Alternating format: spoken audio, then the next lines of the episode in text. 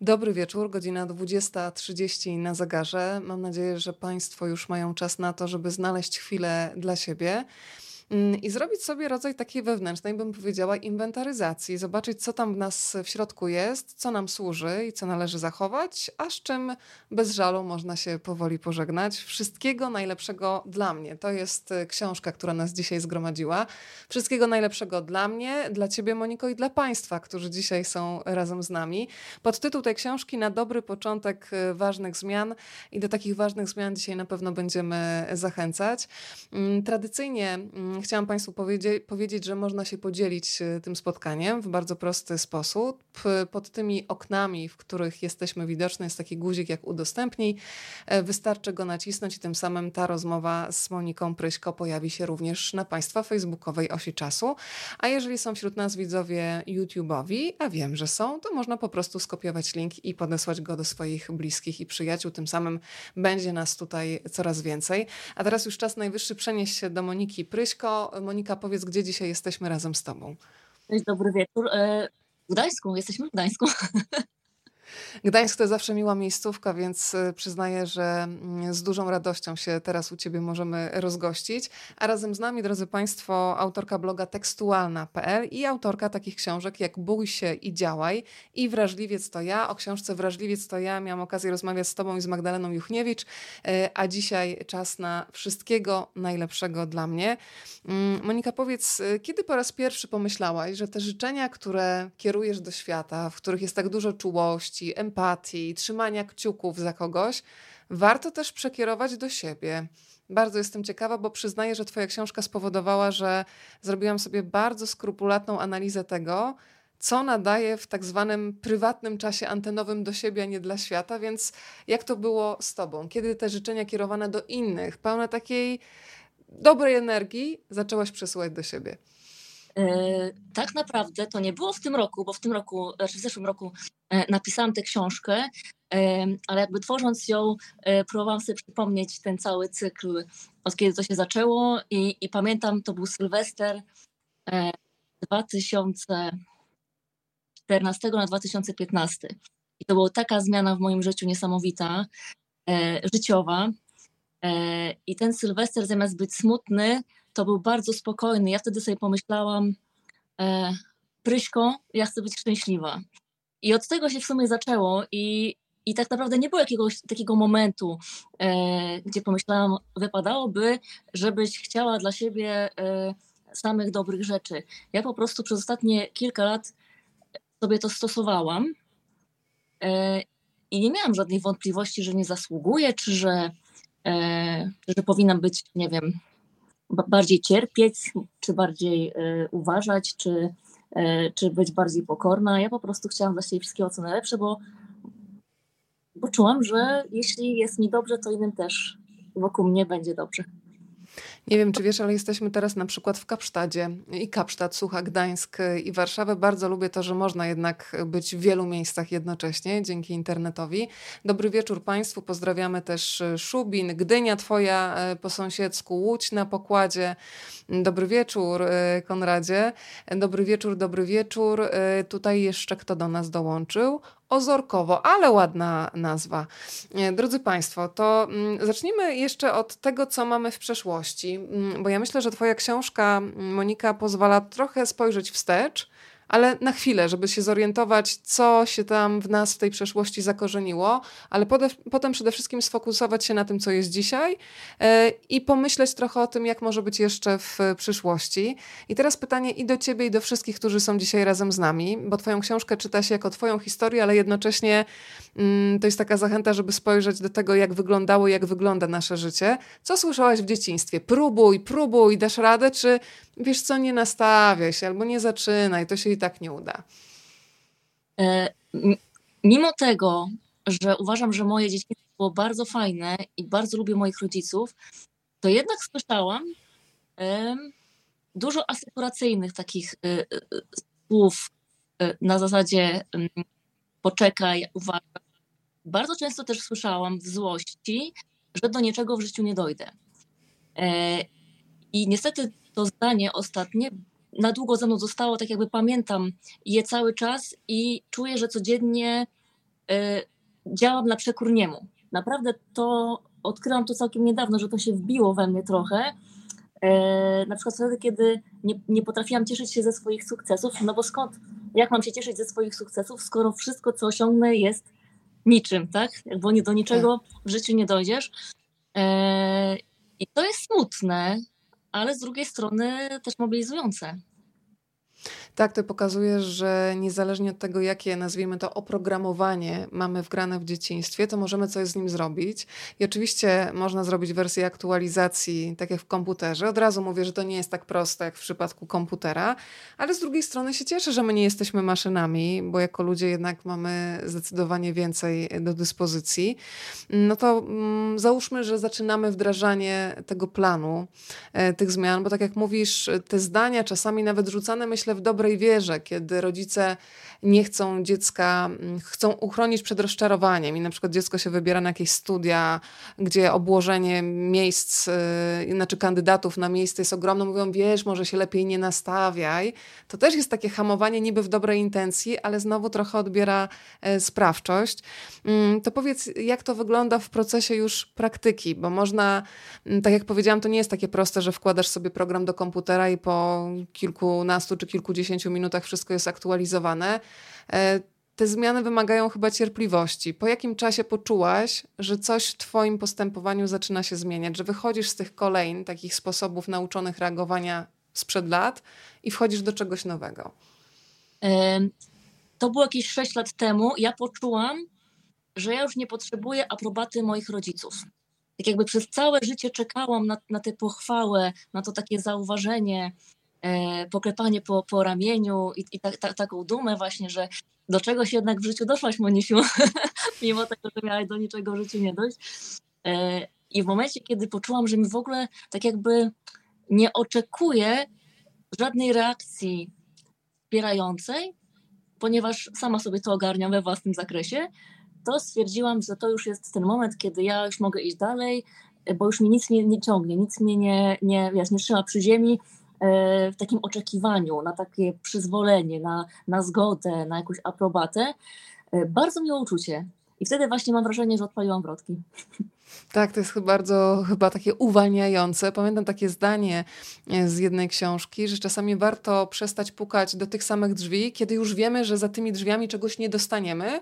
E, warto po prostu czasami poszukać za innymi. E, można coś dostać, a poza tym chyba naj, najlepiej samemu sobie coś dorzucić. Od razu powiedzmy, że dzielisz się w tej książce swoim doświadczeniem, ale też oddajesz przestrzeń różnym kobietom. Powiedz, jaki był klucz e, wyboru, bo one interpretują tak naprawdę na swój własny sposób, filtrując to zdanie przez swoją rzeczywistość. E, zdanie tytułowe Wszystkiego najlepszego dla mnie. Jakie dobierałaś? To są kobiety, które znam osobiście, które bardzo cenię i każda z nich przeszła w swoim życiu wiele kryzysów i takich momentów przełomowych. I to było też dla mnie ważne, dlatego je wybrałam. E, bo ich głos jest tak jakby ważny, prawdziwy. E, nie, jakby nie, niekoniecznie chodziło o to, żeby to było ładne, ale żeby to było prawdziwe i wiedziałam, że, że napiszą prosto z serca. Zastanawiam się też, jak wyglądało pisanie u ciebie, bo dzielisz się mm, w bardzo szczery sposób y, swoją historią. Ja miałam takie wrażenie, że siedzę sobie z przyjaciółką, z którą otwarcie e, rozmawiamy i nie lukrujemy rzeczywistości. Piszesz o porzuceniu, piszesz o samotnym macierzyństwie, piszesz o tym, że dorosłość jest poirytowana i niewyspana. Bardzo lubię swoją drogą to zdanie. Mm, I zastanawiam się, ile miałaś takich właśnie wątpliwości w środku, czy ja mogę opowiadać o wszystkim, czy za chwilę ktoś nie powie, że nie wiem, jestem ekshibicjonistką. Wiesz, z tyłu głowy jest dużo takich hamujących głosów, które znowu cię chcą, wiesz, wziąć za lejce, powiedzieć, nie, nie, Pryśko, nie rób tego, nie rób. Słyszałaś takie głosy? Bo kiedy się już to zrobi, to myślę, że to jest bardzo uwalniające. W końcu nie musisz tracić energii na lukrowanie czegoś, co nie było y, oblepione lukrem, ale zastanawiam się, czy miałaś takie głosy. W tym przypadku, słuchaj, nie E, Super. Ponieważ przy pierwszej i drugiej książce, szczególnie przy pierwszej, miałam z tyłu głowy taką myśl, kto ją przeczyta. Miałam tak.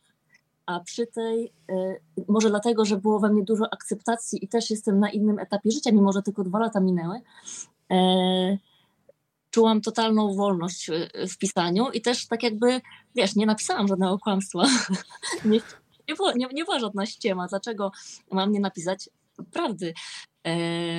Bardzo przyjemnie mi się pisało tę książkę i może też dlatego tak trochę mm, wypuściłam się w, w opisywaniu e, różnych przeżyć, e, ale też e, zaznaczę, że opisywałam swoje emocje i swoje odczucia i, i jakby swój punkt widzenia i raczej nie ma tam prywatnych wycieczek. Mhm. To porozmawiajmy teraz trochę o tych kobietach, które się znalazły w środku. Wśród nich jest m.in. Aleksandra Burdyńska, doradczyni zawodowa, trenerka talentów. Powiedz, y, mm, co cię zatrzymało w jej wypowiedzi, bo myślę, że kiedy dziewczyny wysyłały, mówię dziewczyny, bo jakoś czuję takie siostrzeństwo, y, kiedy dziewczyny ci wysyłały te swoje zdania, co najmocniej w nich, y, w tobie zagrało, w tych wypowiedziach? Jeśli chodzi o Ole, to ja miałam przyjemność tak jakby zrobić z, z nią i pod jej opieką test Galupa I, i muszę przyznać, że ona, to tak jakby ona mi mówiła same komplementy, jest, jest wspaniałym trenerem, e, i ja po prostu wiem trochę, jak wygląda jej, jej znaczy nie, nie powiem, że sytuacja życiowa, tylko to za zaplecze, o którym jakby no się nie mówi, bo jesteśmy prywatnymi osobami. I po prostu przefiltrowałam to, co przeczytałam, to, co o niej wiem. I, i, i po prostu ta prawda najbardziej mi się spodobała i yy, chyba ona jest jedną z, na początku gdzieś tak, tak, to jest chyba jedna z pierwszych wypowiedzi. Ja sobie zapisałam ten fragment, kiedy ona mówi, że przez lata mm, doświadczałam pustki, ale przyszedł czas, gdy zrozumiałam, że chcę poznać tę kobietę, którą dziś jestem. E, I jest też taki fragment, który pokazuje, że wszystkie te twoje kobiety, bo my czasami mamy taką wizję kobiet z Instagrama. Wiadomo, że na Instagramie zazwyczaj pokazujemy sukcesy, takie momenty, kiedy jesteśmy szczęśliwe. I bardzo się cieszę, że w zasadzie każda z tych kobiet, które są w twojej książce, pokazała, z czym się mierzy na co dzień. E, wspomniana Mm, Aleksandra mówi między innymi o tym, że bardzo dużym wyzwaniem dla niej jako matki jest mierzenie się z cukrzycą e, trzyletniego synka. E, tam są historie związane z nowotworem, e, przeróżne trudne doświadczenia i cieszę się, że pokazuje, że to nie są osoby gdzieś właśnie odklejone od codzienności, tylko grają tymi kartami, używając słów twojej przyjaciółki, które mają. Nie dostają jakichś dodatkowych bonusów i asów, które wyciągają z rękawa, Czasami to jest bardzo kiepska talieta e, kart, ale z każdą można coś e, zrobić, prawda? Mam wrażenie, że yy, tak naprawdę każda z nas otrzymała i kiepskie karty, i super dobre. I to jest, to od nas zależy, yy, jak my to wykorzystamy, bo tak naprawdę każda ma w cudzysłowie coś, każda z czymś się mierzy i można sobie zadać pytanie, czy ja bym się z nią zamieniła. Biorąc, tak jakby podziwiając to, co ma na co dzień, jak wygląda to, co mogę zobaczyć jako e, postronny obserwator, ale czy gdybym mogła się z nią zamienić, biorąc cały pakiet, czy bym to zrobiła? Chyba nie, ponieważ nie wiem, jakbym sobie poradziła e, w sytuacji na przykład e, Oli czy, czy która edukuje i, i mówi o, o chorobie niepłodności. To bardzo ważny temat. To prawda. E, ja się bardzo cieszę, że pokazujesz, że jako kobiety, ale w ogóle jako ludzie, każdy z nas ma jakieś kompetencje, umiejętności i możemy się tym świetnie wymieniać i dzielić i wspierać w tych momentach, kiedy ja czegoś nie potrafię, pomoże mi Pryśko. E, kiedy Pryśko czegoś nie potrafi, to ja chętnie też jej e, pomogę. Wrócę jeszcze na chwilę do Aleksandry Burdyńskiej, bo przy niej przy, oka przy jej okazji powiedziałaś o teście Galupa. Zaczęłam się w ogóle zastanawiać, bo nigdy wcześniej nie miałam do czynienia z testem Galupa. W czym ten test może nam pomóc? Ojejku, znaczy, y, mi dodał odwagi. Tak jak powiedziałam, czułam się, jakby ona powiedziała mi komplement, ponieważ zaczęły mi się układać kropki w głowie. Mi wyszło w tym teście tak jakby pięć talentów głównych. Ja mam wiz- y, stratek, wizjoner, maksymalistka, odkrywczość i optymistka. Czyli tak naprawdę wszystkie te talenty wykorzystuję na co dzień i to wzmocniło moją pewność siebie. To nie jest tak, że, że y, znajomość tych talentów, wiedza o nich y, była przełomowa, ponieważ y, wykorzystywałam te talenty na co dzień i one były mi znajome, tylko nikt ich wcześniej nie nazwał. Ja ich nie umiałam nazwać. Co więcej, wydawało mi się, że skoro dla mnie coś jest łatwe, no to dla innych, no to też nie powinien być problem. No i pokora na mnie spłynęła. Mam zupełnie inne, inne predyspozycje, inne zasoby, ale fajne jest to, że te talenty e, jakby tak właśnie świadomość i wiedza e, o nich wzmacnia i powoduje, że, że w naszych codziennych wyborach, sytuacjach w pracy możemy z nich czerpać i że to jest nasza siła, czyli że ja się skupiam na tym, że właśnie jestem strategiem, umiem łączyć kropki, ale ni cholery y, nie umiem ci zagospodarować przestrzeni na przykład. No, nie jestem w stanie y, wejść do, do pokoju i stwierdzić, co gdzieś poprzesuwać, żeby było ładnie. Po prostu nie mam w ogóle takiej wyobraźni, e, ale już przestałam się tym przejmować, bo właśnie doceniam te talenty, które dostałam w pakiecie. Ale rozumiem, że ten test Galupa polega na zadawaniu jakichś pytań, z których się wyłania jakiś taki portret osoby, jeżeli chodzi o jej kompetencje i te mocne cechy, tak? Ten test jest przedziwny, ponieważ on tak naprawdę nie polega na wiedzy, tylko na wyborze e, dwóch e, w ogóle tak jakby e, wyrwanych z kontekstu sytuacji. Po prostu wybierasz podświadomie, szybko odpowiedzi, które z tobą współgrają, tak, tak mogę powiedzieć. No i z tych twoich odpowiedzi wyłania się, kim jesteś. Ciekawie, trzeba będzie się kiedyś w takim razie z tym zmierzyć i zobaczyć. E, ja w ogóle sobie zdałam sprawę, że w książce, o której dzisiaj rozmawiamy, jest bardzo dużo niby takich oczywistości, ale te oczywistości dopiero docierają do człowieka, kiedy je przeczytasz, kiedy wypowiesz pewne treści na głos. To jest czasami prosta konstatacja, ale ja przyznaję, że mnie to zawsze zatrzymuje, kiedy tak nie widzę, że się kręcę w kółko i myślę, dziewczyno, jeżeli ty nawet nie wiesz, gdzie chcesz dojść, no to dlaczego się dziwisz, że ty tam nie dochodzisz? Bo ale się łapię na tym, ale ja nie wiem. I te twoje poszczególne rozdziały bardzo y, porządkują głowę. Dziękuję ci za to, co napisałaś o tym prywatnym czasie antenowym. E, bo zdałam sobie sprawę po raz kolejny niestety, że chyba najtrudniej jest mi w życiu uruchomić czułość do samej siebie. To jest dość smutny wniosek, ale tak naprawdę czasem od smutnych wniosków e, zaczyna się ta droga. E, ile miałaś takich smutnych wniosków, robiąc analizę swojej prywatnej ramówki, mówmy takim językiem telewizyjnym w takim razie, bo czasami zdarza nam się narzekać na ofertę czy radiową, czy telewizyjną, czy internetową, a tymczasem sami potrafimy tę naszą ramówkę tak zaśmiecać, że aż głowa mała. Nadal tę moją ramówkę ale, ale coraz mniej przyznaję się, że nie jestem taka święta, natomiast znam po prostu już konsekwencje i wiem tak jakby, że jeśli pójdę spać z włączonym e, monitorem i serialem, to się nie wyśpię albo, albo będzie, e, nie wiem, będę mieć złe sny czy coś takiego. To jest oczywiście przykład. Hmm, kiedy sobie z tego zdałam sprawę? Ostatnie dwa lata to, to był chyba jakiś taki duży czas zmian, chociaż dopiero teraz z perspektywy e, tak to odbieram.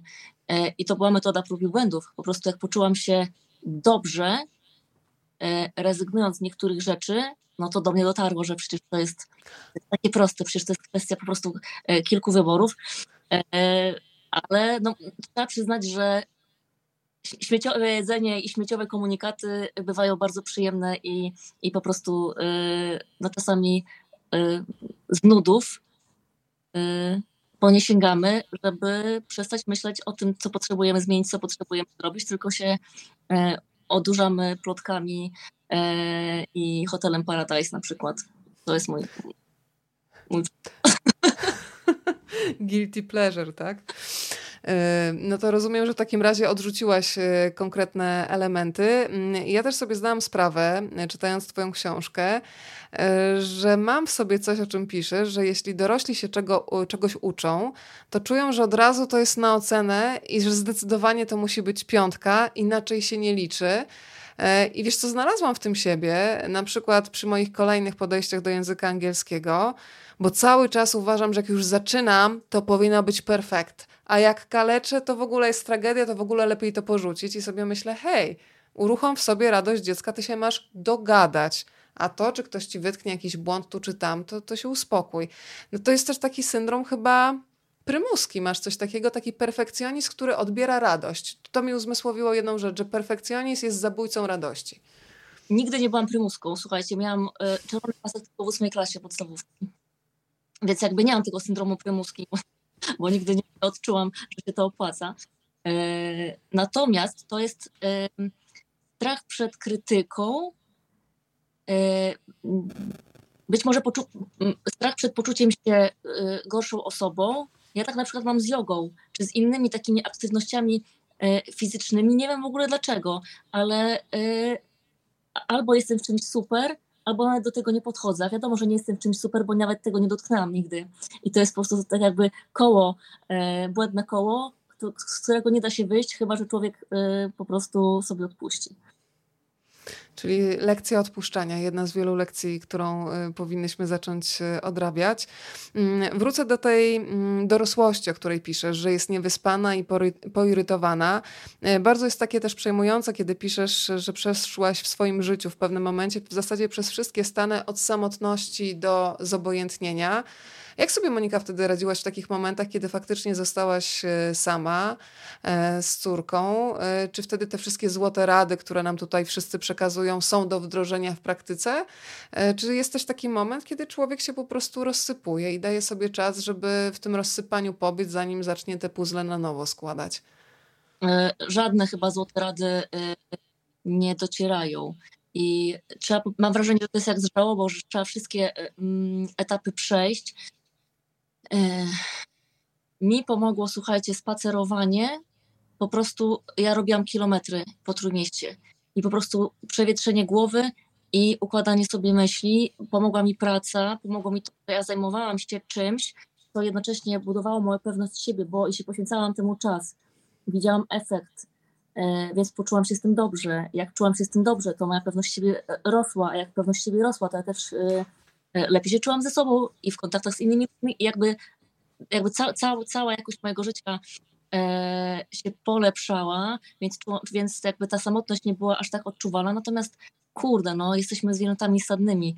E, nie, nie da się wyłączyć emocji i, i myślenia. Człowiek cały czas czeka i w oczekuje i myśli sobie, kurde, przecież zasłużyłam. Y, moje przyjaciółki są zakochane, są y, w szczęśliwych małżeństwach od wielu lat a co robi źle. No i, no i faktycznie trzeba przejść jakiś taki etap, w którym człowiek tak się dobrze czuje sam ze sobą, że już nic mu do szczęścia nie jest potrzebne i wtedy ta miłość przychodzi i ja jestem tym przykładem. Siedzący dowód przed państwem. E, drodzy Państwo, czasami faktycznie, kiedy człowiek już zapomina, że szuka tej miłości, to ona się zjawia. Tutaj też drugi siedzący dowód przed państwem.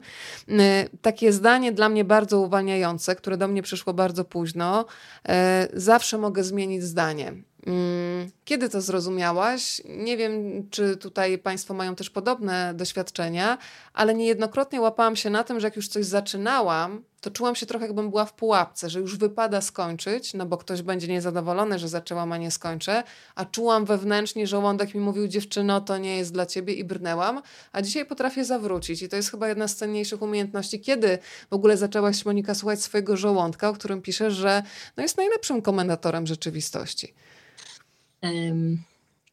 Myślę sobie, że trenuję to od jakichś 5-6 lat e, i e, bardzo rzadko zmieniałam zdanie. Tak jakby jak już się w coś zaangażowałam i podjęłam decyzję, e, to nie chciałam zmieniać zdania, nie chciałam za, zaprzestać, nie chciałam powiedzieć stop.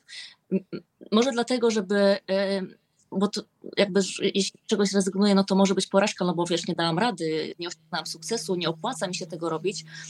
E, albo też nie chciałam zrezygnować, ponieważ e, poświęciłam na to tyle czasu, na to, na co się zdecydowałam, tyle czasu, energii i pracy, że nie chciałam zrezygnować właśnie z, z tego efektu. Przecież ja tyle w to włożyłam, dlaczego mam z tego zrezygnować, mimo że to nie przynosi ani satysfakcji dłużej, ani pieniędzy, ani splendoru, ani w ogóle niczego.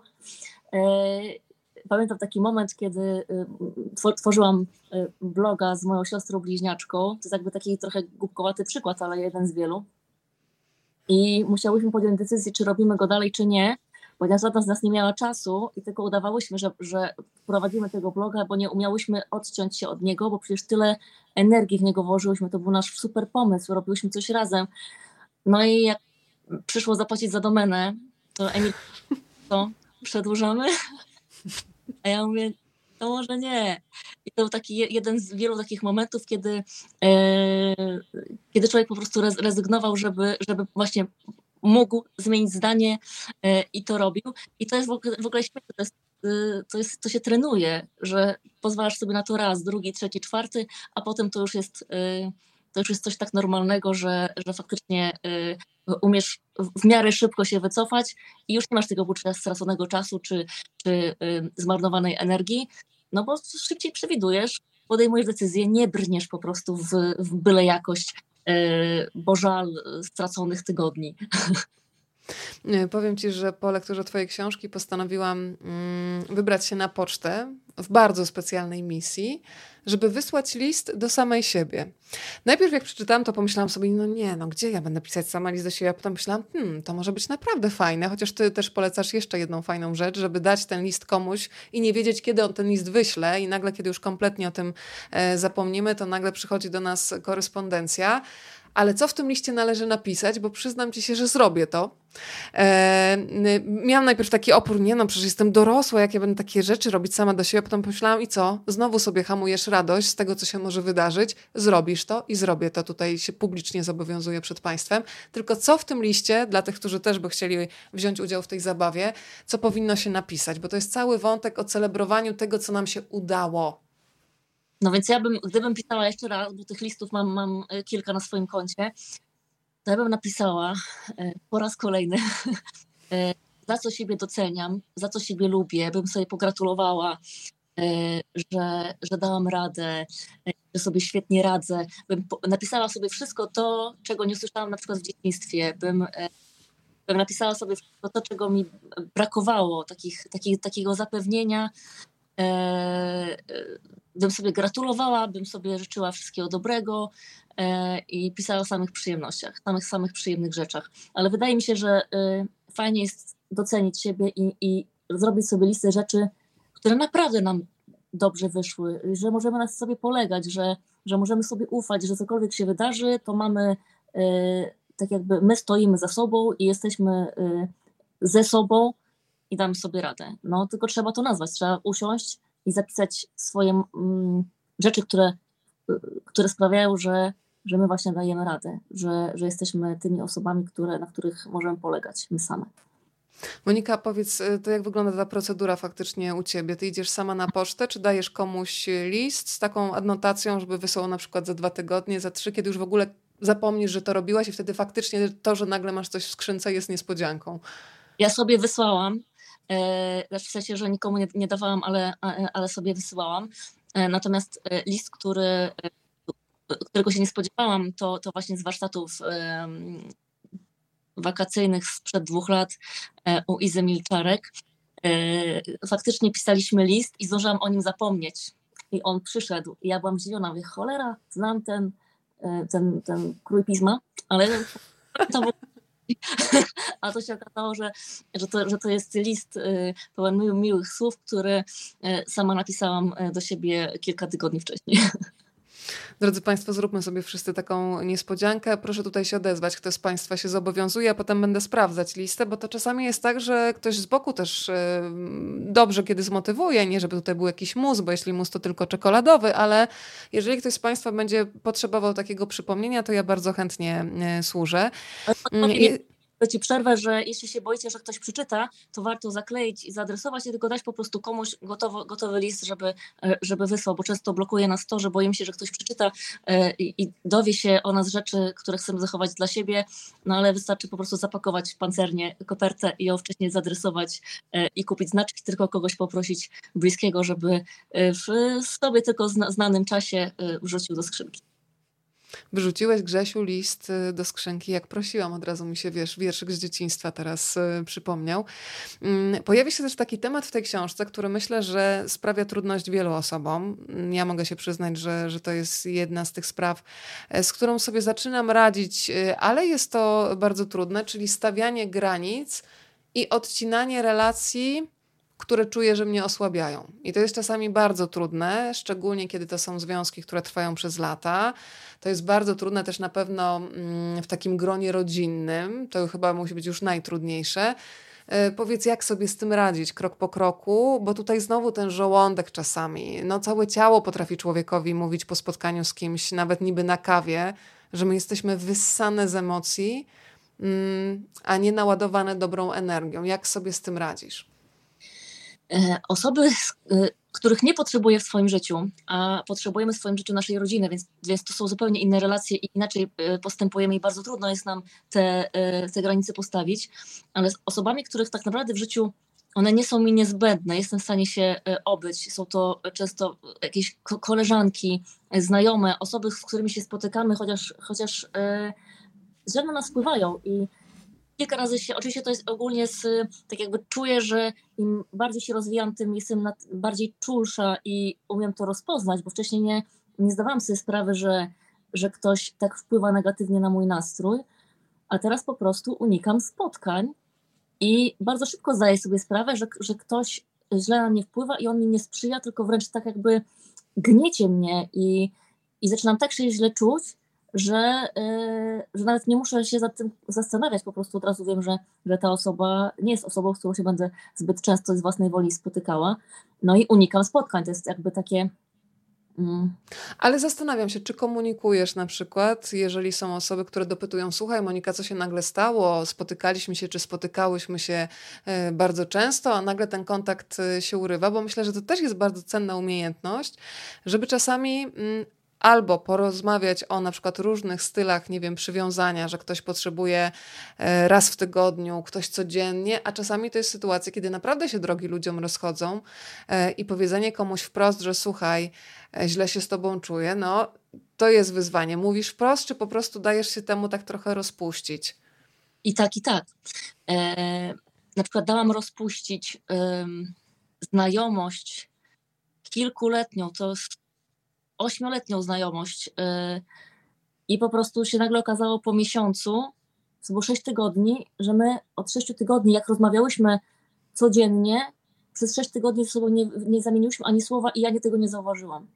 Mhm. I po prostu wykorzystałam to i, i, nie napisałam. I ta osoba też nie napisała, więc ja tak jakby stwierdziłam, że zostawię to tak, jak jest, bo najwyraźniej tak miało być i ja tego chciałam i yy, czasami mi wstyd, jak, jak o tym myślę, bo, bo też nie umiałam powiedzieć wcześniej, że dziewczyno męczysz mnie i, i twoja postawa sprawia, że ja się źle czuję i wcale mi się nie chce z tobą rozmawiać, ale ciężko nam zrezygnować z kilkuletniej w sumie przyjaźni czy, czy znajomości.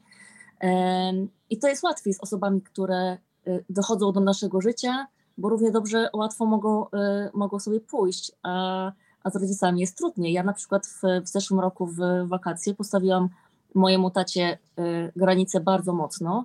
Zostałam y, trochę do tego przymuszona na albo ja i moja rodzina, albo y, świetne samopoczucie mojego taty. E, I no co ja mogłam zrobić? Napisałam maila, ale tylko dlatego, że to jest też sposób mojego taty. Mój tata, jak ma coś ważnego do zakomunikowania, to pisze maile. Więc, więc ja po prostu zrobiłam odpisz, napisałam trzy strony A4, tak jak jak dorosły człowiek do dorosłego człowieka, a nie jak e, mała dziewczynka do, do swojego taty. E, I poczułam się świetnie, chociaż ręce mi się trzęsły, e, jak wysyłałam i później jak czytałam odpowiedź, to, to również. Ostatnio też miałam taką sytuację, kiedy musiałam powiedzieć wprost na temat relacji między mną a w sumie blisko mi kobietą. Po prostu zostałam wywołana do, do tablicy, zostało mi zadane pytanie dlaczego i ja musiałam i chciałam odpowiedzieć wprost. I to wcale nie jest łatwe, bo prawda nie jest łatwa, bo możemy kogoś zranić, a przecież nie chcemy robić ludziom przykrości, prawda? To prawda. Ja też y, im jestem starsza, tym częściej myślę o tym, y, żeby pielęgnować w sobie też taką wdzięczność za pewien etap nawet bycia z kimś. Myślę zarówno o relacjach damsko-męskich, jak i przyjacielskich z przyjaciółkami, z ludźmi, którzy przez jakiś czas szli razem z nami e, tą samą drogą, że to też jest jakaś chyba taka naturalna energia, że czasami pewne relacje się wyczerpują i fajnie, że one były, ale jeżeli czujemy, że one się wyczerpały, to też nie ma co się siłowo właśnie e, do pewnych rzeczy zmuszać, bo, bo myślę, że to działa potem, potrafi ranić tak naprawdę dwie strony. Eryk jeszcze tutaj wraca do zagadnienia listu. Bardzo lubię jego poczucie humoru swoją drogą. Eryk, pozdrawiamy Kapsztad. A jeżeli komuś nic nie wychodzi, to co w takim liście napisać? Pytam dla koleżanki. Oczy, oczywiście. Pozdrawiamy koleżankę. No, ja, ja bym na przykład najpierw, jest w ogóle takie chyba na, narzędzie y, y, coachujących coachów, żeby, y, żebyśmy my, jak, jak mamy wątpliwości odnośnie naszych zasobów i talentów, żebyśmy zapytali osoby, z którymi pracujemy, się przyjaźnimy, jesteśmy blisko, co w nas cenią i co zauważają, e, że robimy coś dobrego. No i się nagle okazuje, że ludzie widzą w nas e, więcej dobrego niż nam się wydaje i to też daje do myślenia, bo często czasami doceniamy rzeczy, które, które, które powinniśmy docenić. Poza tym wszyscy jesteśmy w czymś dobrzy. Tak naprawdę no, każdy ma jakiś talent. Nie, nie znam osoby, która nie ma e, ani jednego talentu. Przypomniałaś mi podróż wspaniałą do Portugalii z moją przyjaciółką. Iwona, ściskam cię bardzo mocno, e, bo podczas tej podróży Iwona mnie właśnie zmobilizowała do tego, bo to była długa podróż, żebym wypisała 30, to było strasznie dużo, 30 swoich dobrych cech. Ja mówię, słuchaj, no może 3, 5, ona nie, nie, musisz mieć 30 i ja ci zapiszę tego maila, jak ci będzie gorzej i źle, to ja ci podeślę, jakie masz zasoby. No i słuchaj, zrobiłam to. Nawet sobie zajrzę, bo to było tak dawno temu, co ja wtedy na swój temat napisałam. E, także dziękuję dziękuję bardzo wszystkim e, przyjaciołom, którzy mnie do tego e, mobilizują. E, słuchaj, mam jeszcze pytanie odnośnie tego, co napisałaś, bardzo to lubię i faktycznie się też teraz na tym złapałam, bo czasami zdarza nam się, i to mówi wiele osób, nawet na terapii od psychoterapeutów słyszę coś takiego, że ludzie przychodzą i obśmiewają swoje trudne emocje, mm, że reagują żartem, ale czasami to jest taki żart ironiczny, gdzie biją znowu w samego siebie. I u ciebie w książce jest takie zdanie o tym, że nasza podświadomość w zasadzie nie ma poczucia humoru. I nawet jeżeli w żartach w siebie bijemy, to to chyba no, nie jest wzmacniające. Jak to działa? Nie, no my po prostu doskonale wiemy, że to jest prawda. I nawet jak, jak się z tego śmiejemy, no to my wewnętrznie doskonale wiemy, że, e, że mówimy o rzeczach, które nas faktycznie bolą. To nie jest żart. Tak jakby mówimy o, o tym e, e, w żartach, bo nie chcemy tego ujawnić i na przykład jest nam wstyd, i wewnętrznie tak naprawdę wstydzimy się czegoś albo czujemy się niepewnie, więc żartujemy, żeby, e, żeby łatwiej było e, nam się ujawniać z czymś. No ale naprawdę no, ale wiemy, że to jest, e, wiemy, że te wszystkie emocje, które czujemy w związku z daną sytuacją, z danym tematem są prawdziwe. Natalia napisała, że nawet trzech by nie znalazła. Natalia, nie znamy się, ale skoro tu jesteś, to ja ci muszę powiedzieć, że tu jest grono samych fantastycznych ludzi, bo ja bardzo cenię Państwa, bo stworzyliście taką wspólnotę ludzi wspierających się. My nie tylko rozmawiamy o książkach, e, więc e, ta obecność już świadczy dużej empatii. E, I zaraz tutaj Państwo dorzucą Ci coś, Natalia, ale obudź w sobie naprawdę taką ciekawość. My czasami naprawdę mamy w sobie większą siłę niż sami siebie o to podejrzewamy, więc serdeczności, Natalia, pozdrawiam serdecznie. Mm, o, mm, ktoś napisał ciekawe pytanie, ale myślę, że, że tego nie da się tak załatwić, ale ja nie jestem psychologiem, Monika też nie, więc, ale pytanie, czy mogę napisać list do siebie w imieniu ojca, którego nie było w dzieciństwie przy mnie? No chyba to tak nie działa, nie? Że to właśnie musimy chyba znaleźć sobie odpowiedź na to, co możemy same sobie dać, nawet jeżeli różnych rzeczy nie dostałyśmy. Ja to tak interpretuję, ale od razu mówię, że nie jestem psychologiem, więc w ogóle nie, nie potrafię. O, to też kolejny wątek w Twojej książce, żeby nie brać na siebie odpowiedzialności, której się nie da unieść, bo ja bym potem nie potrafiła tego unieść, gdybym to pani poradziła zawodowo. List, co od tato? Czyli y, napisałabym ze swojej perspektywy, drogi tato, i zawsze brakowało mi żebyś napisał mi to, to, to i to. Bo tak naprawdę nie, y, w tym momencie mam wrażenie, że, mam wrażenie, że, że najważniejsze to jest nazwać te potrzeby, które mamy, y, ponieważ nikt ich wcześniej nie nazwał, nikt nas nie pochwalił tak, jak chcieliśmy być pochwaleni, tak jakby nigdy nie wybrzmiały te słowa, których potrzebowaliśmy usłyszeć. One nie wybrzmiały, one cały czas my na nie czekamy, a nikt ich wcześniej nie wypowiedział. E, dlatego my wciąż na nie czekamy, więc, więc dobrze jest po prostu samemu nazwać to, czego nam zawsze brakowało. E, I wierzę, jakby doświadczyłam tego, że to już przynosi ulgę, że jeśli umiemy sformułować te nasze potrzeby i, i te myśli mają kształt zdań jeszcze napisanych ręcznie, to przynosi nam dużo ulgę, ponieważ my w końcu wiemy, o co nam chodziło. My w końcu wiemy, jak miały brzmieć te słowa, których nikt nam wcześniej nie powiedział. Tak, tekstualna poety zawsze mówisz o tym, jak bardzo ważne jest, Monika, to, żeby napisać pewne rzeczy, żeby je nazwać, żeby je wypowiedzieć. E, tutaj widzę, że już Państwo podrzucają kolejną cechę dla Natalii. Na pewno jesteś otwarta na nową wiedzę, informacje. Natalia, mamy już dwie cechy, za chwilę ktoś dorzuci chyba e, trzecią, a może ty sama tę trzecią dorzucisz. Bardzo na to e, czekam. Ja mam, ja mam trzecią, przede wszystkim jesteś odważna, bo napisałaś komentarz y, i możemy jakby wszyscy się odnieść do twojej historii. I już mamy trzy, a długą listę do 30, słuchaj, rozwijaj. Ja też przysięgam, że zaczynałam z takim samym nastawieniem, dociągnęłam e, do 30. E, to ja chciałam przedstawić kolejną bohaterkę, którą można poznać e, w Twojej książce. Kolejną kobietę, która interpretuje to zdanie wszystkiego najlepszego dla mnie, Magdalena Bator, współwłaścicielka zakwasowni. Kocham zakwasy swoją drogą. Czyli to jest taka rodzinna manufaktura, która produkuje mm, różne kiszonki, zakwasy, ale bardzo ważna jest historia, jak ta rodzinna firma powstała. Jaką kobietą jest Magda dla tych, którzy nigdy nie mieli okazji jej poznać? Powiedz trochę więcej. To silna babka, bardzo charyzmatyczna, bardzo wyrazista, e, odważna, jakby mówi o swojej historii e, wprost. E, tak jakby zapraszam Was, Fundacja czułość. Jezu, aż, aż teraz się zaplątałam, czy dobrze, czy dobrze zapamiętałam. E, dziewczyny wspierają e, kobiety, które e, i walczą, i, i wygrały e, e, z rakiem piersi. E, no Magda wygrała i, i, i, wspiera inne kobiety i między innymi też dlatego powstała zakwasownia, bo bo zakwasy miały wspierać zdrowie Magdy i to się, to się po prostu tak pięknie rozrosło. To będziemy dzisiaj zaglądać do tych e, kobiet, które interpretują to tytułowe zdanie. A Monika, mm, gdyby, gdyby ktoś teraz, czyli ktoś taki teraz, jak ja, zadał ci to pytanie wszystkiego najlepszego dla mnie, e, co rozumiesz pod tym tytułem najmocniej? Bo tutaj wiadomo, że można e, całe wypracowanie na ten temat stworzyć, ale tak najmocniej. Co jest esencją tego zdania dla ciebie?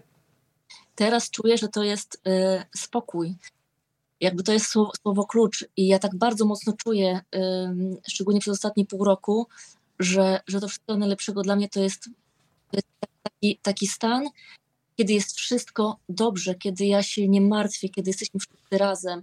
E, umówmy się, że jest niedziela.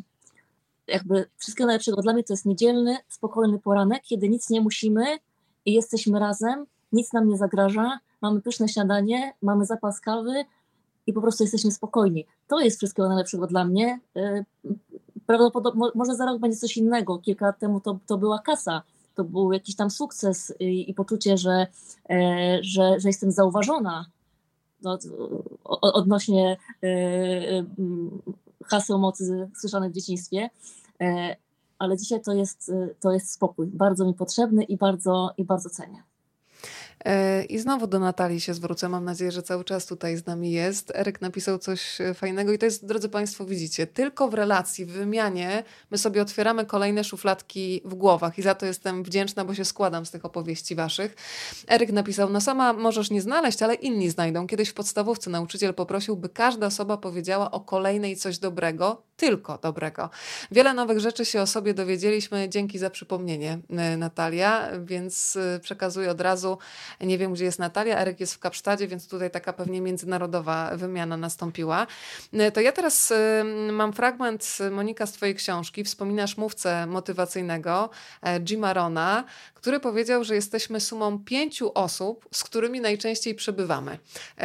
To jak to wygląda w Twoim przypadku, bo sama zaczęłam sobie składać i myślę, o, to całkiem fajnie, bo pomyślałam o tych pięciu osobach, z którymi najczęściej przebywam, więc y, z kogo jesteś zlepiona dzisiaj, taki stan na dzisiaj?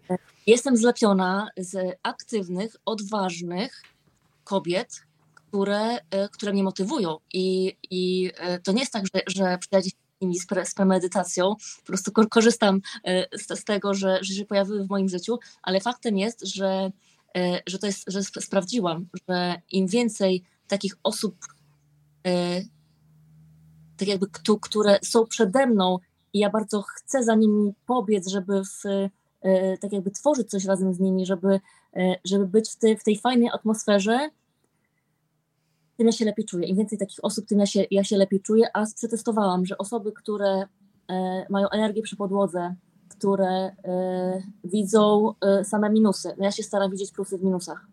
E, osoby, które dopiekają innym osobom, które nie doceniają innych osób, które są przykre, które są niezadowolone, które są leniwe, bardzo źle wpływają, ponieważ nie mam, tak jakby karmimy się nawzajem, że ciężko dawać cały czas innym od siebie, nie mając jak się naładować. To jest jakby wymiana że ja się ładuję energią innej osoby i mogę jednocześnie też coś od siebie dać. Natomiast jeśli się spotykamy cały czas z osobami, które od nas ciągną i są takie przyciężkie, e, smutne, przykre, to nie dość, że im oddajemy swoją uwagę, swój czas, e, swoje pocieszenia, swoje zapewnienia, e, to nie mamy czym się nakarmić. I zostajemy tak naprawdę z niczym, jesteśmy coraz niżej, tak jak podążamy cały czas ku podłodze.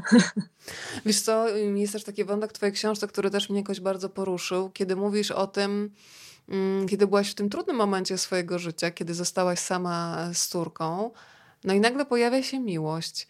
I masz gdzieś taki moment, kiedy się zastanawiasz, czy możesz, bo przecież ona cię potrzebuje, ale z drugiej strony uzmysławiasz sobie, że jeżeli ty się nie nakarmisz, nie przyjmiesz tego dobrego uczucia, które przychodzi, no to też nie będziesz miała z czego dawać. Długa jest taka szamotanina w głowie matki, nie wiem, ponieważ nie jestem, więc nie wiem, jak to wygląda, dlatego cię wypytuję. E, ten taki rozkrok pomiędzy tym, czy ja na coś właśnie zasługuję, bo tutaj przychodzi do mnie miłość, no ale jestem odpowiedzialną mamą, czy ja mam prawo wpuścić kogoś do naszego życia. Co się wtedy dzieje w głowie?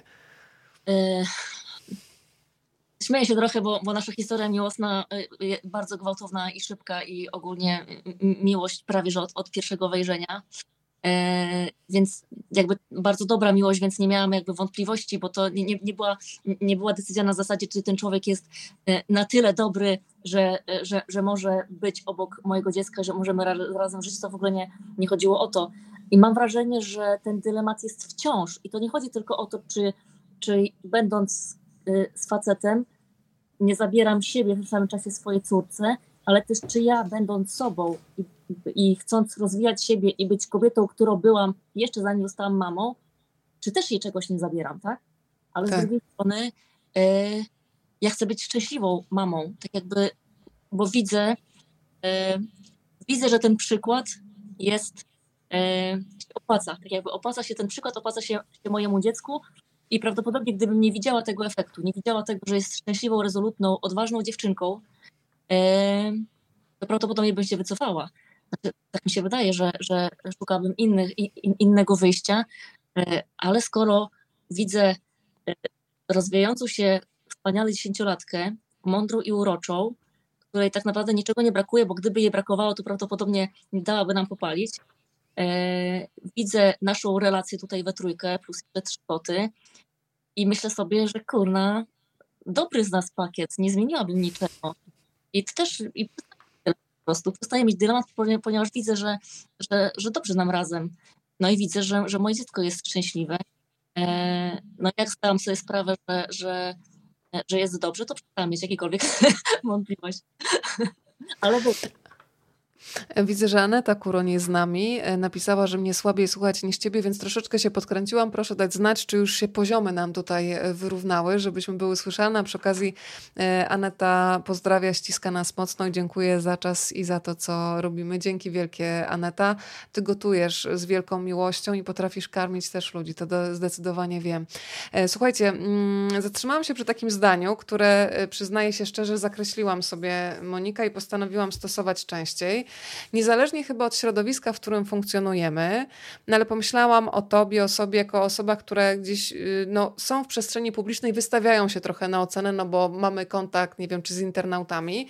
No i zawsze wśród wielu miłych komentarzy wspierających, czy krytyki konstruktywnej, która jak najbardziej jest słuszna, no zdarzają się czasami takie uwagi, nazwijmy to eufemistycznie, które są wpuszczone w przestrzeń internetu tylko po to, żeby komuś zrobić przykrość, odnoszące się, a to nie wiem, do mojego wyglądu, że coś jest niehalo, albo do tego, że jestem taka, siaka, owaka. Nie będę tutaj sprawiać przyjemności hejterom. E, jaka? E, I napisałeś takie zdanie, które sobie chyba powieszę nad łóżkiem które brzmi następująco. Postanowiłam, że nie będę karmić czegoś, czego nie chcę w swoim życiu. Te rzeczy i tak się dzieją, ale głodzę je brakiem mojej uwagi. Na tyle, na ile umiem, nie, nie zawsze muszę reagować. To, że nie reaguję, nie znaczy, że nie widzę. To powiedzmy, jaki był punkt wyjścia e, do tej konstatacji u ciebie. I dziękuję ci za to, że mi uświadomiłeś, że to jest po prostu strata energii, że czasami chcesz komuś też odbić piłeczkę, stwierdzić, że nie, nie będzie mi tutaj nikt mnie atakował ale potem sobie uświadamiasz, że tracisz pół dnia na to, czy ktoś odpisze, czy poszło mu w pięty, czy nie, i energię, którą możesz włożyć w rzeczy dobre, tak naprawdę jest ta energia wessana w jakieś bagno i w zasadzie po co nam to? Yy, prostu pamiętam tę chwilę. Dostałam wiadomość na WhatsAppie, która była o mnie, ale nie była do mnie. E, I poczułam się, e, po prostu zagotowałam się momentalnie, bo poczułam taką niesprawiedliwość. E, ale, czyli to było to coś, ta, taka sytuacja straszna, kiedy ktoś pomylił okienka i coś, co napisał o tobie, trafiło do ciebie, tak. a miało być za plecami. Ojej. Zastanawiam się, co ta osoba czuła. Nie, myślę, że ta osoba nie miała jakichś tam I w każdym razie zagotowałam się i już szykowałam jędrną odpowiedź, ale jej nie wysłałam. Ja sobie pomyślałam, przecież to w ogóle nic nie da. Tak jakby ta osoba w ogóle nie jest, ona jakby nie, nie pomyśli, że, że to jest nie fair, y, to co napisała, bo to, bo to jakaś też głupota.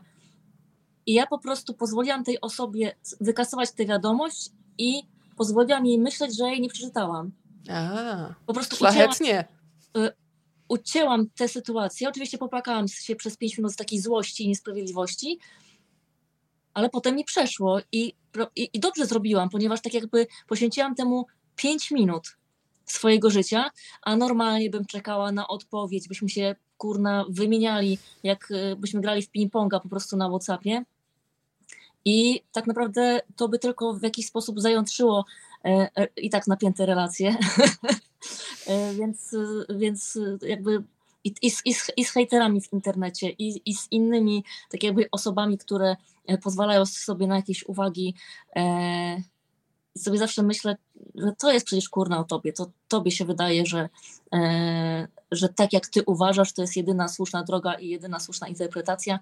I w sumie jestem dorosła, więc odpowiadam za siebie. Jeśli ja chcę robić inaczej, to pozwól mi to zrobić.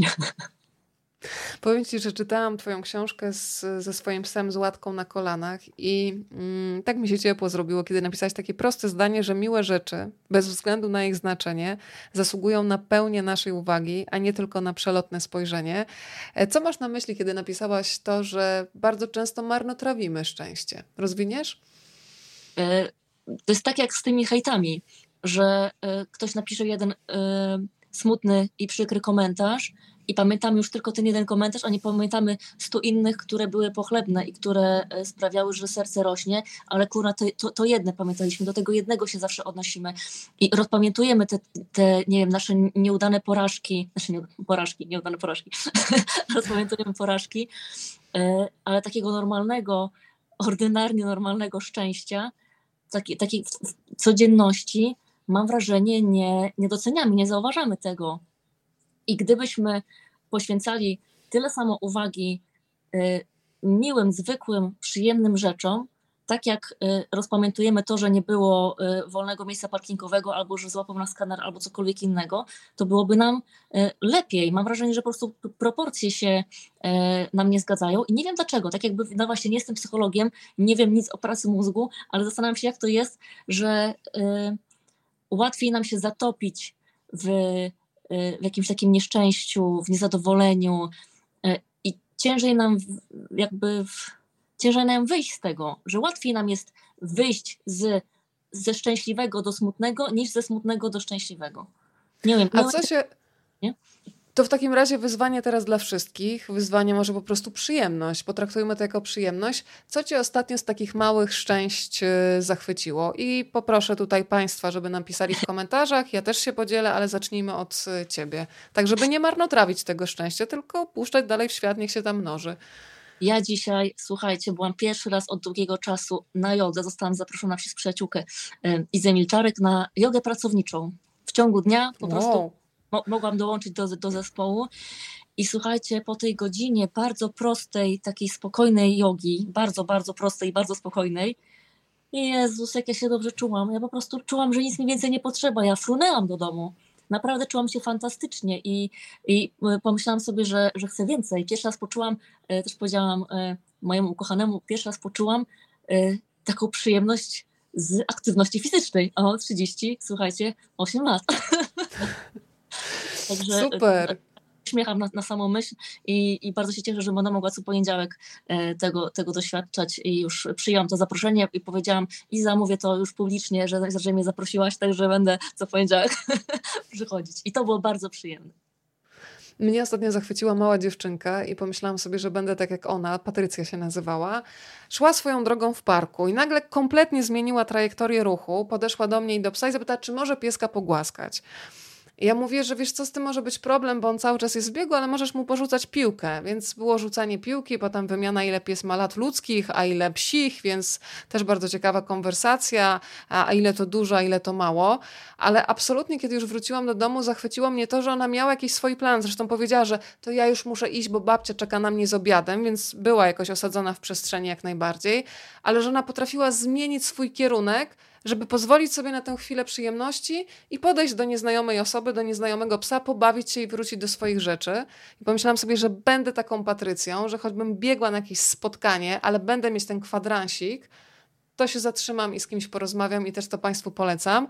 E, o proszę, udało się zrobić zdjęcie mojemu psu, zawsze umie się ukryć, tym razem zwyciężyłam ktoś się jeszcze podzieli e, swoimi tutaj radościami, bardzo proszę. E, to ja patrzę na kolejne moje e, zakreślone tutaj myśli z Twojej książki. Robiłaś kiedyś takie badania, powiedziałabym, terenowe, instagramowe, pytając swoich obserwujących o to, jak wygląda ich podejście do tego, czy szczęście jest limitowane. Co my mamy w głowach, kiedy, kiedy dzieje się w naszym życiu dobrze? To, że trzeba będzie za to do, dobre odpłacić i tak jakby czujemy, że jak przychodzi dobre, to zaraz przyjdzie coś gorszego, że jak nam się coś udało, to zaraz będzie porażka. Tak jakby um, sądzimy, że, że musi być y, porówno i że za, tak jakby porówno to też jest y, y, złe sformułowanie, ponieważ częściej sądzimy, że za dobre trzeba będzie zapłacić. O, bardziej, bardziej to, że, że za każdą przyjemność przy, będziemy musieli być, nie wiem, może nie to, że ukarani, ale że będziemy musieli odpłacić E, zapłacić czymś trudnym za, za chwilę szczęścia.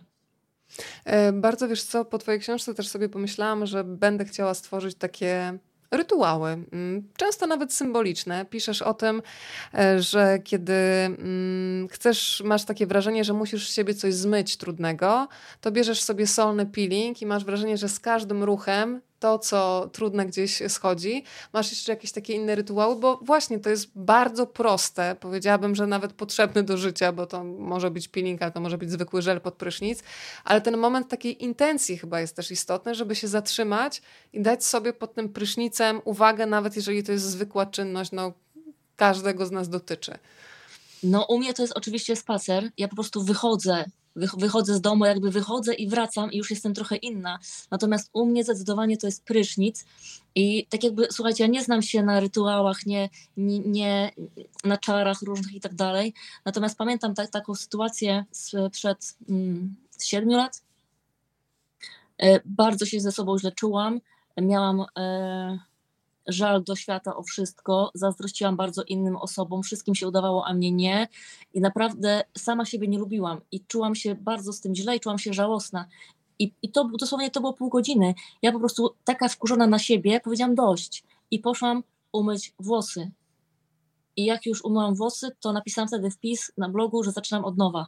I od tego czasu zaczęłam od nowa.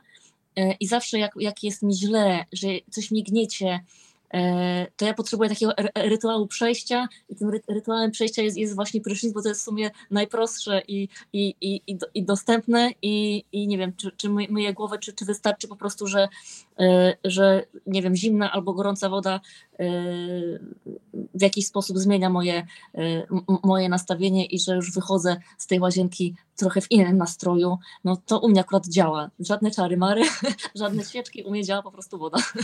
Słuchaj, to ja ci powiem, bo masz mały telefon, to pewnie nie widzisz komentarzy, ale widzę, że tutaj równoległe pewne e, procesy przebiegają, bo pani Maria akurat napisała, mnie dziś cieszył zapach włosów e, po odżywce, więc też tu jesteśmy, ale widzę, że coraz więcej pięknych komentarzy od państwa, e, tych małych radości. Małgorzata pisze, że ją cieszy dłuższy dzień i że mogę po pracy jeszcze, mm, kiedy jest światło, po prostu pójść do lasu z psami i tak, to jest fantastyczne.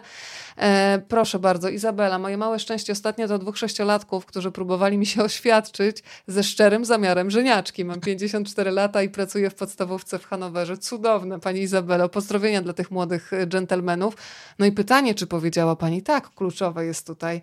E, Michał, e, ostatnio miałem radość e, ze sprzątania. O proszę, no, chyba musimy, to ja chętnie zaproszę pana Michała do domu, bo mi to jakoś nie sprawia radości, ale spróbuję spróbowałam odkurzać, zmywać, czyścić inaczej niż zwykle, z innymi myślami, krokiem tanecznym, trochę lewą ręką, bez presji, nie za karę. Aż sobie to zwizualizowałam, takiego radosnego człowieka w tym codziennym bałaganie, który każdy z nas pewnie ma. Yy, pozdrowienia, panie Michale. Mm, no i co my tutaj jeszcze mamy? O, Ania, obca kobieta podeszła do mnie na ulicy i powiedziała, że mam świetny płaszcz. Zrobiło mi się miło i byłam jej wdzięczna za taką prostą reakcję. I to jest świetny moment, Pani Aniu, że my się czasami też, ile razy Monika miałaś taką myśl, żeby podejść właśnie do obcej kobiety czy mężczyzny i powiedzieć jej coś miłego. Ja już się przełamuję, e, ale miałam takie momenty, że potrafiłam, aż mnie rozsadzało, jene, jaka piękna osoba, człowiek, który emanuje jakąś taką energią i i nie wypuściłam z tego, no bo no co on sobie pomyśli. Ale kiedy już zaczęłam to robić, to widziałam, co się zaczęło dziać z twarzą ludzi. To jest uzależniające potem. Ja to bardzo lubię. Nie, nie zawsze mam odwagę, żeby tak zrobić. Bardzo często, tak jakby jeśli spotykam, spotykają się spojrzenia moje z, z, osobą, którą obserwuję, i ja się od razu uśmiecham, i ta osoba, yy, tak jakby odwzajemnia te, ten uśmiech, to zawsze coś palne i, i coś powiem. Yy, najczęściej to jest po prostu spojrzenie i, i uśmiech. I, i to, to najczęściej to jest moje, e, e, mój sposób na sprawienie komuś obcemu przyjemności. Widzę, że Państwo też w tanecznym krokiem tutaj sprzątają. Agnieszka razem z Panem Michałem, jakiś team sprzątający taneczny tutaj sobie już e, zwizualizowałam. słuchaj, tak, to teraz jeszcze jest taki wątek, który też mnie obudził. Mm, piszesz że bardzo często oddajemy albo oddalamy od siebie własną sprawność. Możemy rozwinąć ten wątek? Co miałaś na myśli? E, wiesz co, miałam na myśli to, że, że czekamy, aż ktoś nam coś, powiedzmy w cudzysłowie, e, załatwi, aż ktoś da nam pozwolenie, aż ktoś da aprobatę, kiwnie głową i tak jakby czekamy na zielone światło od osób, które nie są nami, które nie żyją naszym życiem, które nie, nie ponoszą konsekwencji naszych wyborów, które nie chodzą w naszych butach. E, ja tak miałam też, też w zeszłym roku, e, że po prostu e, czekałam, aż się moja sytuacja zmieni, ponieważ tak jakby mówię o sytuacji finansowej, czekałam, aż osoby, które opiekują się, opiekowały się moimi zleceniami, tak jakby czekałam na sygnał od nich, na, na, jakieś, e, na jakieś zadania. Tak jakby zamiast wziąć sprawy w swoje ręce, to jak grzecznie czekałam i budowałam w sobie frustrację. I zapomniałam o tym, że przecież ja mogę zadziałać. Dlaczego ja cholera jasna czekam? Przecież, przecież umiem to wszystko zrobić sama. E, no i to było bardzo bolesne przebudzenie, bo, e, bo ciężko myśleć o sobie, że jest się osobą, która swoje życie w jakimś nawet małym procencie powierzyła innym osobom. Ale, ale e, właśnie jestem na etapie e, nauki sprawczości po raz, po raz kolejny i bardzo się z tym dobrze czuję.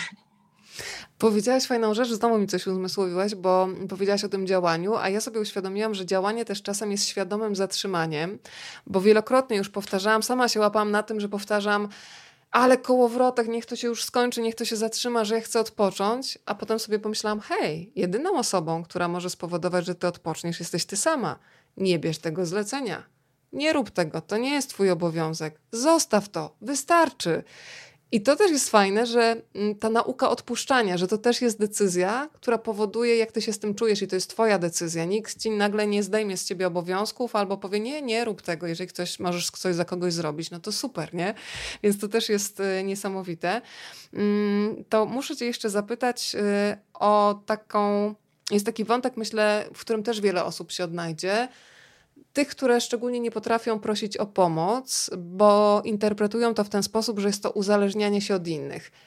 Jak się tego nauczyć i jak od razu, jeżeli się czujemy niezręcznie, jakby co ktoś w zamian od nas oczekuje jak zacząć rozmawiać o tym, bo podajesz proste zdanie i kiedy ono pada, to wydaje mi się, no jasne, przecież to oczywiste i ile rzeczy z głowy spada, ale muszę to przeczytać, żeby zastosować. To, to, jest, to jest trudne, bo najlepiej byłoby po prostu powiedzieć, dobra, słuchaj, potrzebuję twojej pomocy, jak się rozliczamy, e, co mogę dla ciebie zrobić, jakby jak ci się mogę odwdzięczyć, ale często nie mamy w sobie odwagi, żeby, żeby, e, żeby to powiedzieć. E, ja po prostu tak jakby też często się boimy usłyszeć, że ktoś chce od nas pieniądze i dlatego tak jakby tkwimy w takim zawieszeniu. Ja po prostu zawsze pytam, jak mogę ci się odwdzięczyć, i jakby mówię wprost, że potrzebuję twojej pomocy, jak ci się mogę odwdzięczyć. No i faktycznie, jeśli mogę coś dla tej osoby zrobić, to to, to robię.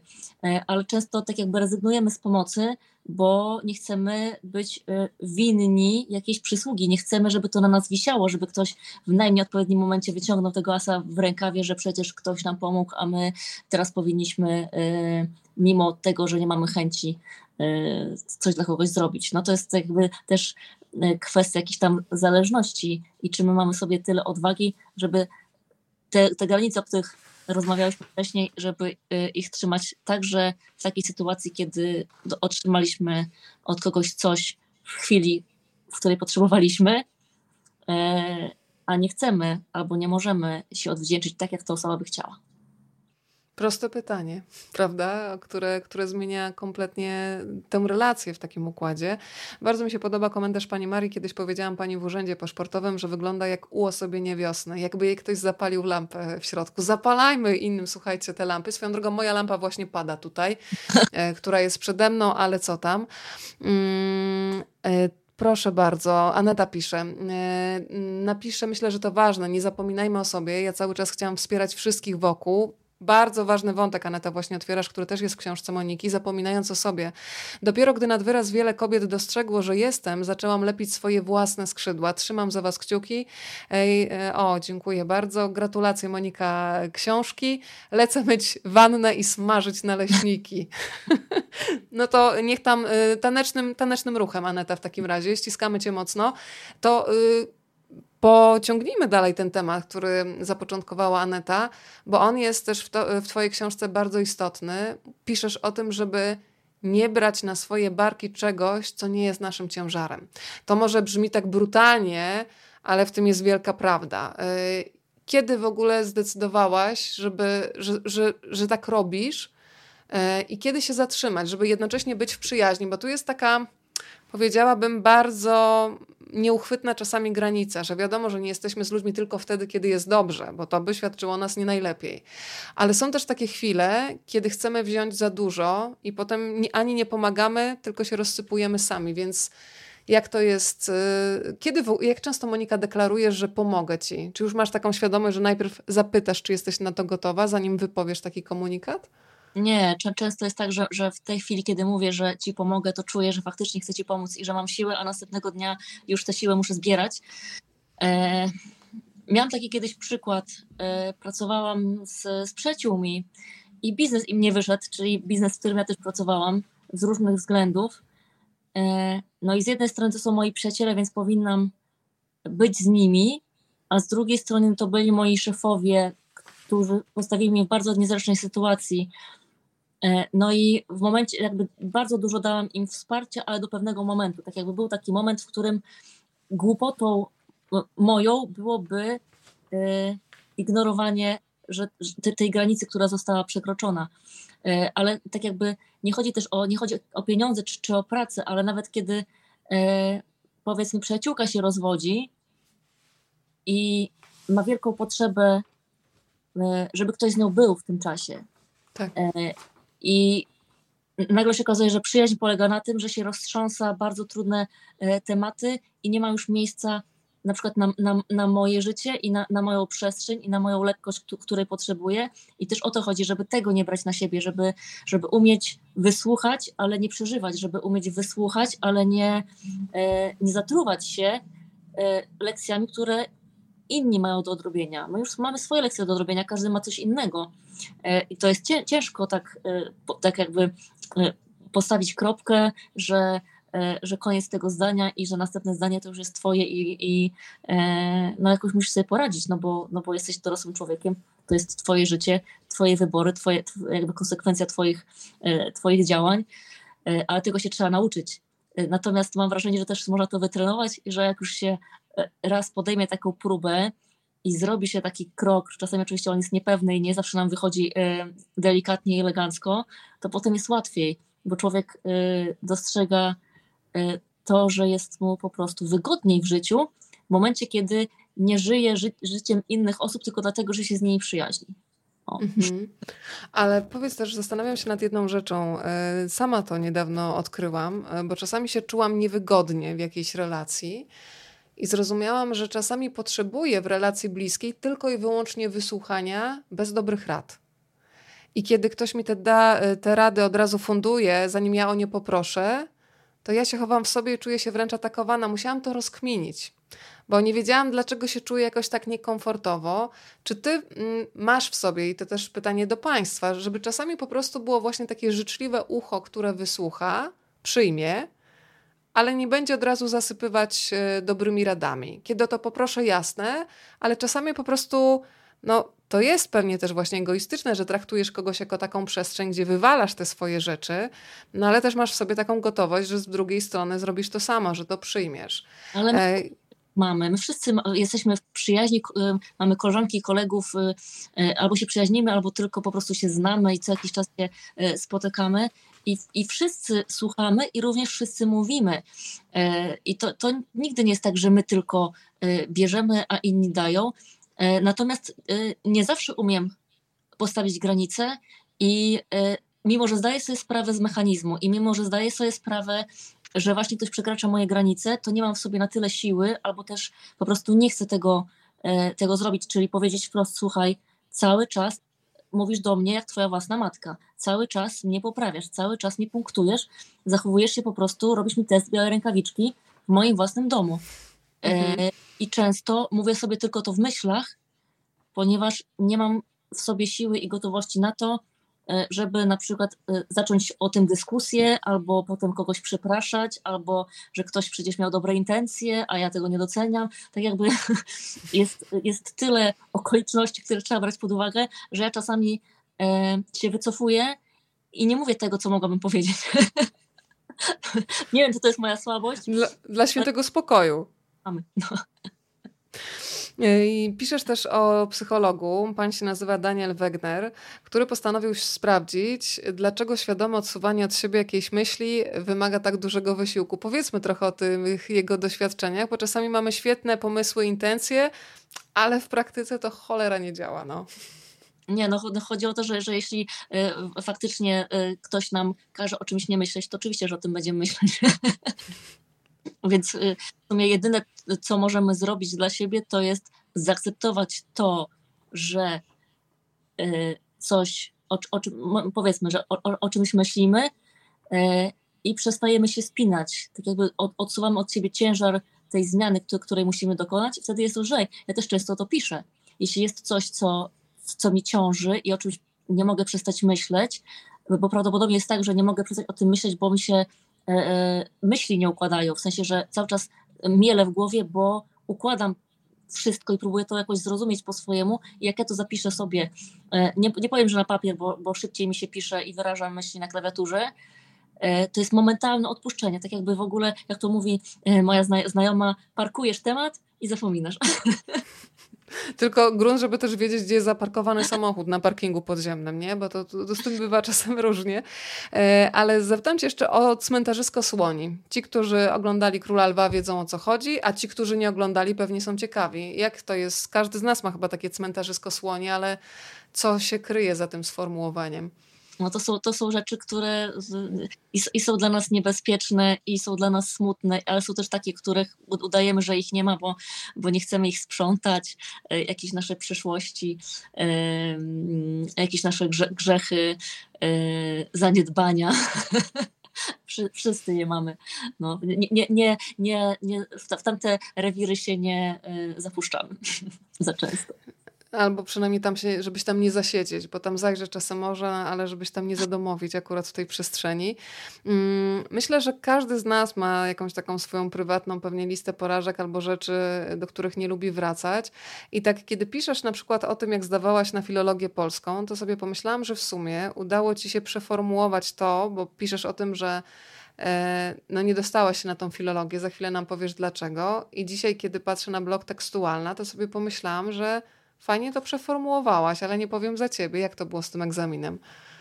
E, ja sobie wymyśliłam, wymyśliłam sobie po prostu, w, mm, bo jestem z Olsztyna. E, no i mm, jest Uniwersytet Warmińsko-Mazurski, jest tam kilka wydziałów do wyboru. E, no i wymyśliłam sobie, ponieważ bardzo lubiłam pisać i zaczynałam tak jakby dostrzegać, że sprawia mi to przyjemność i że faktycznie mogłabym w tym być nawet dobra, bo nie byłam wtedy w ogóle pewna tego, tylko przypuszczałam, że mogłabym być. I wybrałam sobie filologię polską jako taki dobry, że miałabym taki warsztat, że może kiedyś pisać i nie wiem, być dziennikarką. Mhm. może, może, może, może, może mi się faktycznie uda. Przygotowywałam się do egzaminu. E, no i tak, miałam maturę łączoną, czyli że jakbym zdała maturę super, to bym miała egzaminy na studia zaliczone.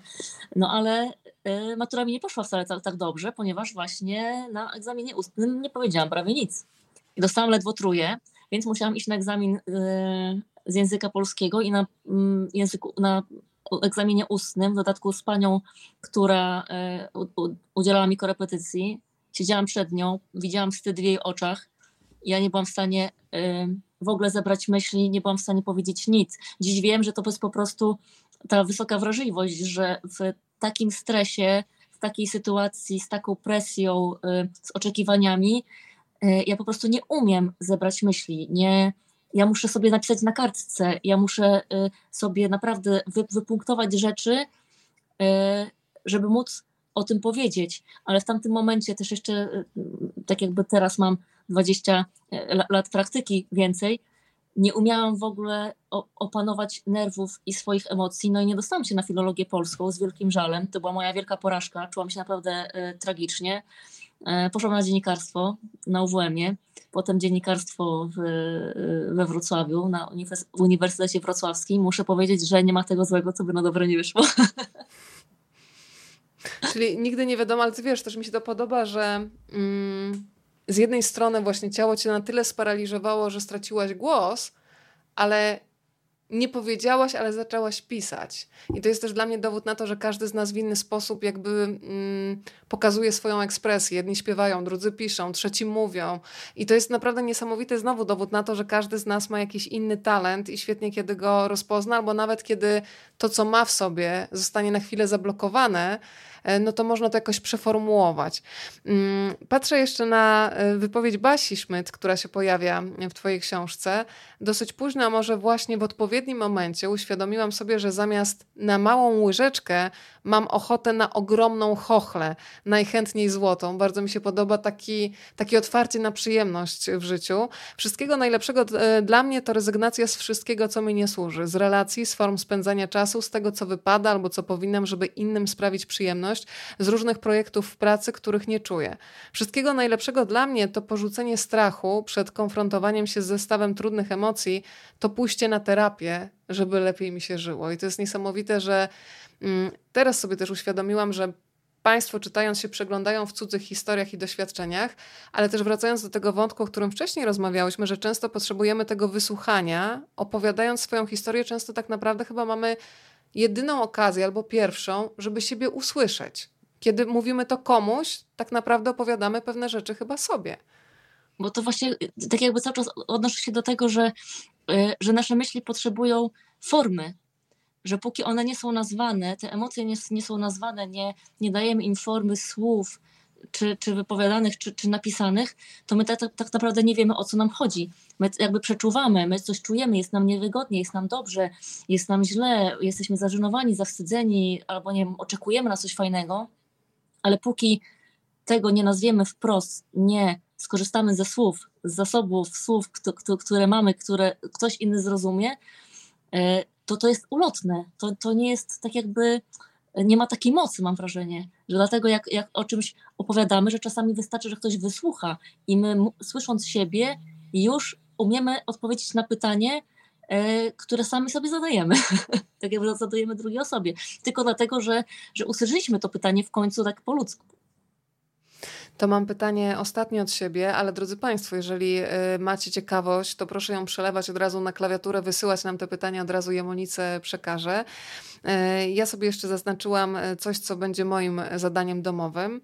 Chodzi o to, żeby samemu sobie dać poczucie, kiedy coś nam się uda, a naprawdę każdemu z nas czasami, częściej, różnie to bywa, coś się udaje, żeby dać sobie takie poczucie, że wykonało się kawał dobrej roboty. I czasami z zewnątrz nawet ktoś może tego nie docenić, ale Państwo czują, że coś naprawdę wyszło ok. I zadanie domowe od Moniki, myślę, które zostaje w głowie, to jest to, żeby nauczyć się celebrowania też własnych sukcesów. To Monika, daj dobry przykład i powiedz, w jaki sposób celebrujesz, ale też z konkretnym wskazaniem, kiedy ostatnio celebrowałaś i w jaki sposób. Wiecie co, ja, ja faktycznie musiałam się tego nauczyć, e, wręcz zmusić się do celebrowania, bo nie mam tego, nie miałam tego w ogóle w krwiobiegu, w zwyczaju i, yy, rozmawiałyśmy o tym też z, z, moją siostrą, jak, jak wydałyśmy The Mother Mag, pierwszy drukowany magazyn kilka lat temu, to, znaczy nasz pierwszy, nie to, że pierwszy w ogóle, to zamiast się cieszyć i odpalić Prosecco i sobie przybić pionę, to myśmy się wzięły za robotę, za tworzenie drugiego numeru.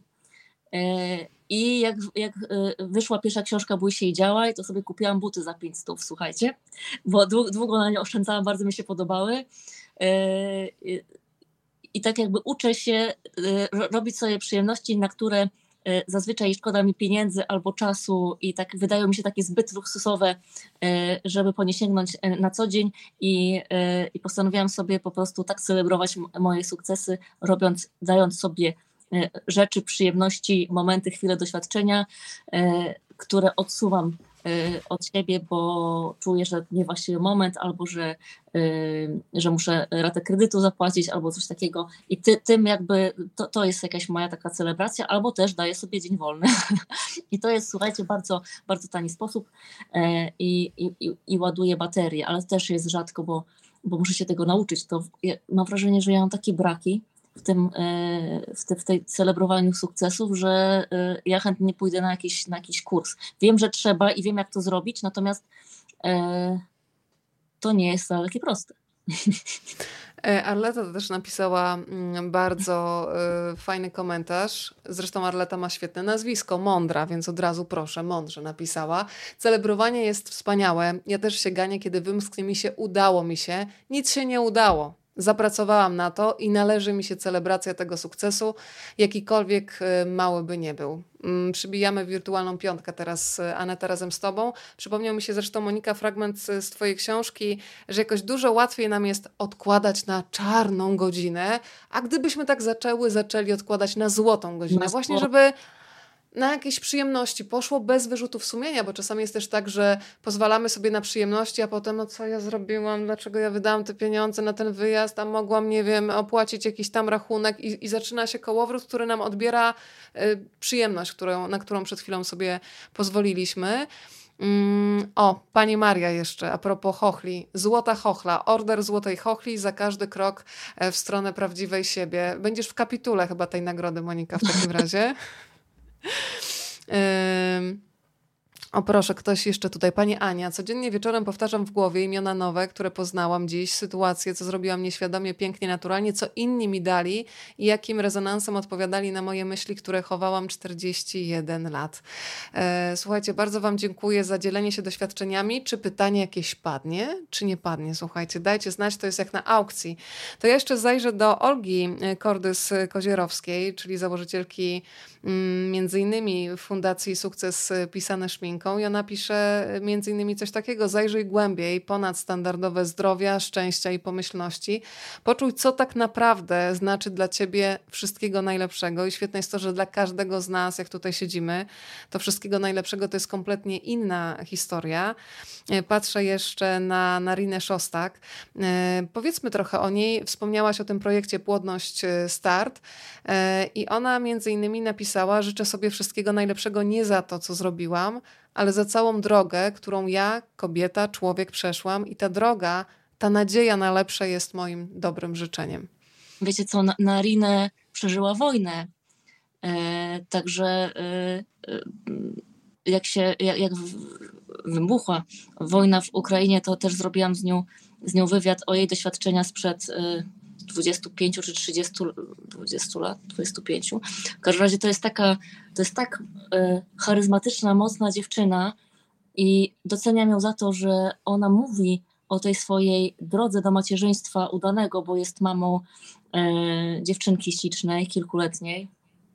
E, I ona wspiera inne kobiety właśnie w, w, w drodze do macierzyństwa. Mówi o niepłodności jako chorobie, a nie bezpłodności jako problemie i ośmiela przyszłych rodziców, pary, nie tylko, nie tylko kobiety, do tego, żeby zawalczyli o to marzenie, które jest jak najbardziej realne i ta potrzeba jest w nas i ona nie jest w jakiś, w jakiś sposób do, do, do stłumienia. E, uśmiecham się, jak o niej myślę. w ogóle mam wielką ochotę na spotkanie z nią. Znajdziecie ją w, na, na Instagramie. Jest e, właśnie jej Płodność Start projekt i e, znajdziecie ją na Instagramie Narinę Szostak. E, tyle znajomości podczas jednego wieczoru. Uśmiecham się do pana Tomka, kiedyś stwierdziłam, że dobrze robić sobie malutkie święto każdego dnia niż wielkie święto raz w roku. Podpisuję się pod tym e, i powiem państwu, że mnie pies nauczył tego, że nie czekam już na fajerwerki, czyli na weekend i od poniedziałku, kiedy będzie ten weekend, e, tylko widzę radość mojego psa z każdego dnia, czy leje, czy wieje, czy śnieg, czy słońce i, i chciałabym być, jestem ucz, uczennicą mojej, mojej Suni. Małgosia pisze, nagradzam siebie i to często w myśl przysłowia, ta ostatnia koszula nie ma kieszeni. Nie znałam tego sformułowania, szczerze mówiąc. Małgosia, pozdrawiamy Cię. Ty jesteś e, z nami w Nysie, z tego co e, wiem. E, więc drodzy Państwo, mm, zadanie domowe, celebrowanie małych i większych sukcesów, bo każdy z nich warto odnotować. Monika, dzisiaj celebrujemy razem z Tobą Twoją książkę. I wiesz, jeszcze się uśmiecham, powiem to, że w szafie, którą mam tu obok, w której panuje ogromny bałagan, jest między innymi ta sama sukienka. Musimy się kiedyś umówić. I wiesz, jak kobiety czasem robią dramę, że na ściance jest ta sama, to na ulicy się możemy spotkać w tych samych sukienkach, dobra? Jest tą dramę. Zrobimy takie tutaj e, drama queen, będą queens, będą na, na ulicy. E, czy jest już coś, nad czym teraz pracujesz, czy dajesz sobie właśnie czas na celebrowanie książki Wszystkiego Najlepszego dla mnie? E, tak jakby z, z, z, moja intencja jest taka, żeby celebrować książkę Wszystkiego Najlepszego dla mnie, natomiast w ogóle nie wiem, czemu przyszedł do mnie temat książki o miłości i im bardziej nie chcę pisać kolejne książki, tym bardziej ten temat miłości i, i relacji, e, w sensie ja mam doświadczenia relacji z mężczyznami, także to, to jest ta, ta, ta, miłość do, do mnie przychodzi, ja tak się opieram, bo nie czuję się jakoś super kompetentna, z drugiej strony ten temat przychodzi coraz częściej i może ulegnę, ale jeszcze nie teraz. to niech ta miłość się rozwija przede wszystkim, e, a jeżeli się przeleje na e, kartki papieru, no to będzie kolejny pretekst, żeby się tutaj e, spotkać. Bardzo Ci dziękuję za to spotkanie, dziękuję z całego serca Państwu i dziękuję wydawnictwu Pascal, czyli Twojemu wydawcy. Życzę Państwu spokojnego wieczoru. Monika, w takim razie dużo miłości dla nas wszystkich i order Złotej Chochli będziesz przyznawać tutaj komisyjnie. Będę tak, z przyjemnością. Monika Pryśko, pięknie dziękuję. Do zobaczenia. Dziękuję bardzo, dobranoc.